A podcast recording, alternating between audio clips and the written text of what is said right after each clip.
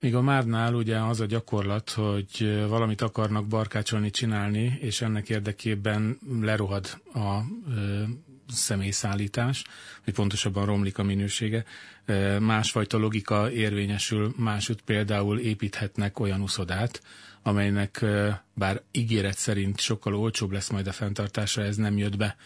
A fenntartás drágább lett, és ebbe tönkre is ment az úszó élet, legalábbis az azt szervező egyesület szombathelyen.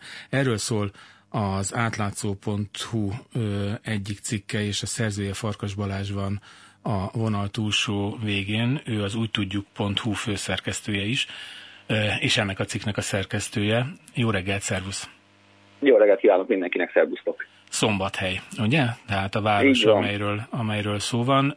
Mi volt a történetek a lényege? Ugye a nagy ilyen taus beruházásoknál mindig fölvetődik ez a jogos kérdés, hogy oké, okay, építünk valami, valami csilivilit, és vajon azt utána ki fogja üzemeltetni.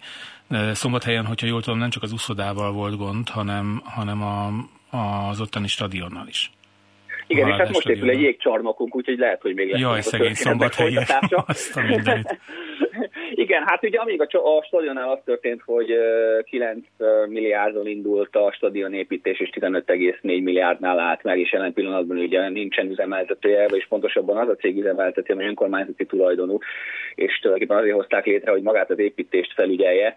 Addig az uszodánál egy picit más a helyzet, mert hogy ez 2,2 milliárdon indult, és hát egy picit ez is drágább lett egyébként, mint ahogy azt annak idején tervezték, mert hogy ez 5,4 milliárdnál állt meg. És az eredeti terv az az volt, hogy mivel a vízilabda klub az Algus volt, amelyik TAO pénzből építette ezt az uszodát, hogy az üzemeltetés később átadja majd a városnak, de hogy ez a törvényi szabályozás szerint nem lehetséges, hogy egy vízilabda klub tulajdonában lévő medencét egy önkormányzat egyet egy üzemeltessen, úgyhogy egy ideiglenes üzemeltetési szerződést kötöttek az uszodát üzemeltető Vasi Víz ZRT-vel és hát már márciusban jelentkezett az a probléma, hogy 10 millióval drágult az uszodának a fenntartása. Három ütemben történik jelen pillanatban a szombathelyi uszodának a fejlesztése. Az első 2016-ban történt, amikor az úszóközönség ebből semmit nem vett észre, mert hogy nyilázárokat cseréltek, levegőztetőrendszert, tehát mindenféle olyan gépészetet, amit az úszóközönség nem nagyon lát és nem nagyon találkozik vele, és aztán 2017 év végén adták át azt az új uszoda részt, majd tulajdonképpen ez egy medence rész, ami uh-huh. hozzáépült a régi szombathelyi uszodához, amely a vízilabdásoknak a felkészülését segíti, és hát márciusban jelentkezett már az első olyan adat, hogy 10 millió forinttal nő az uszodának a fenntartási költsége.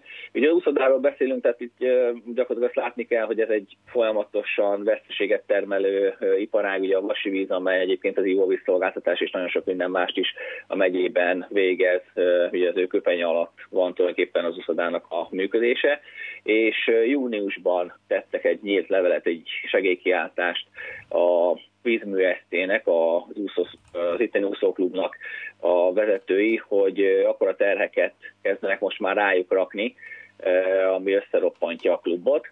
Egyébként érdekes, hogy június 1-én került ki ez a levél, ami azt állította, hogy 40 milliós vesztesége van az uszodának, és már eddig is 20 millióval beszálltak az uszok, de még további 20 milliót kellene egyébként egy éves 45 millió forintos költségvetésből működő úszóklubnak még pluszba beletenni a közös kasszába, hogy az uszoda veszteség egy kicsit kozmetikázva legyen, és egyébként a Vasi Víz vezetőjét két napra rá a polgármester kitüntette szombathelyen, úgyhogy ez egy picit azért talán lehet, hogy beszédes a történetben. Uh, ugye, hogyha jól tudom, akkor megpróbáltak megoldást találni rá, emelték a, a, az úszóknak a hozzájárulását, magyarán a belépőjét, a, a pályahasználatot, a tagdíjat, tehát hogy egészen brutális emelésről volt szó, hogyha jól olvastam a cikkedet, vagy jól emlékszem, akkor 13 ezerről 25 ezerre nőtt egy éves. Így van, 13.500 forint lett volna, és egyébként a szomorú ebből az, hogy nem az éves, hanem hogy a havi tagdíja a gyerekeknek. És Haviról beszélünk 13 ezerrel? Így van, és ez 25 ezer forintra nőtt volna, tehát hogy nem csak az úszó klub volt az és annak vezetői, akik hát segélykiáltást hallottak, hanem a szülők is, akik szerették volna a gyerekiket úszni, járatni. És mondjuk egy olyan klubról van szó, amelynek egyik úszóját néhány hónappal előtte hát gyakorlatilag tálcán hordozta körbe a városvezetés, hogy Barta Márton ifjúsági világbajnok lett, és hát gyakorlatilag az úszó eredménye és a tanulmány eredménye miatt is két kézzel kapott utána Cambridge és Oxford Egyetem, egyébként a Notre Dame-ot választotta végül, tehát hogy ilyen fiatal embereket nevet ki ez az úszóklub eddig is. Hol tart most ez a történet? Ez a történet az ott tart, hogy volt egy szombathelyi városi közgyűlés az elmúlt héten. Ugye itt már gyakorlatilag Ladár Sándor, az úszó szövetség elnöke volt az, aki felvette a kapcsolatot a polgármesterrel. Korábban is egyébként kértek pénzt az önkormányzattól a vízmű vezetői arra, hogy egy kicsit hát önkormányzati támogatással tudják a saját terheiket csökkenteni. Akkor az, az önkormányzat nem adott nekik pénzt, és aztán az úszó szövetség elnökének közbejárásának köszönhetően menekült a szombatai úszósport, hát gyakorlatilag az Egyesület az, az, az megszűnik.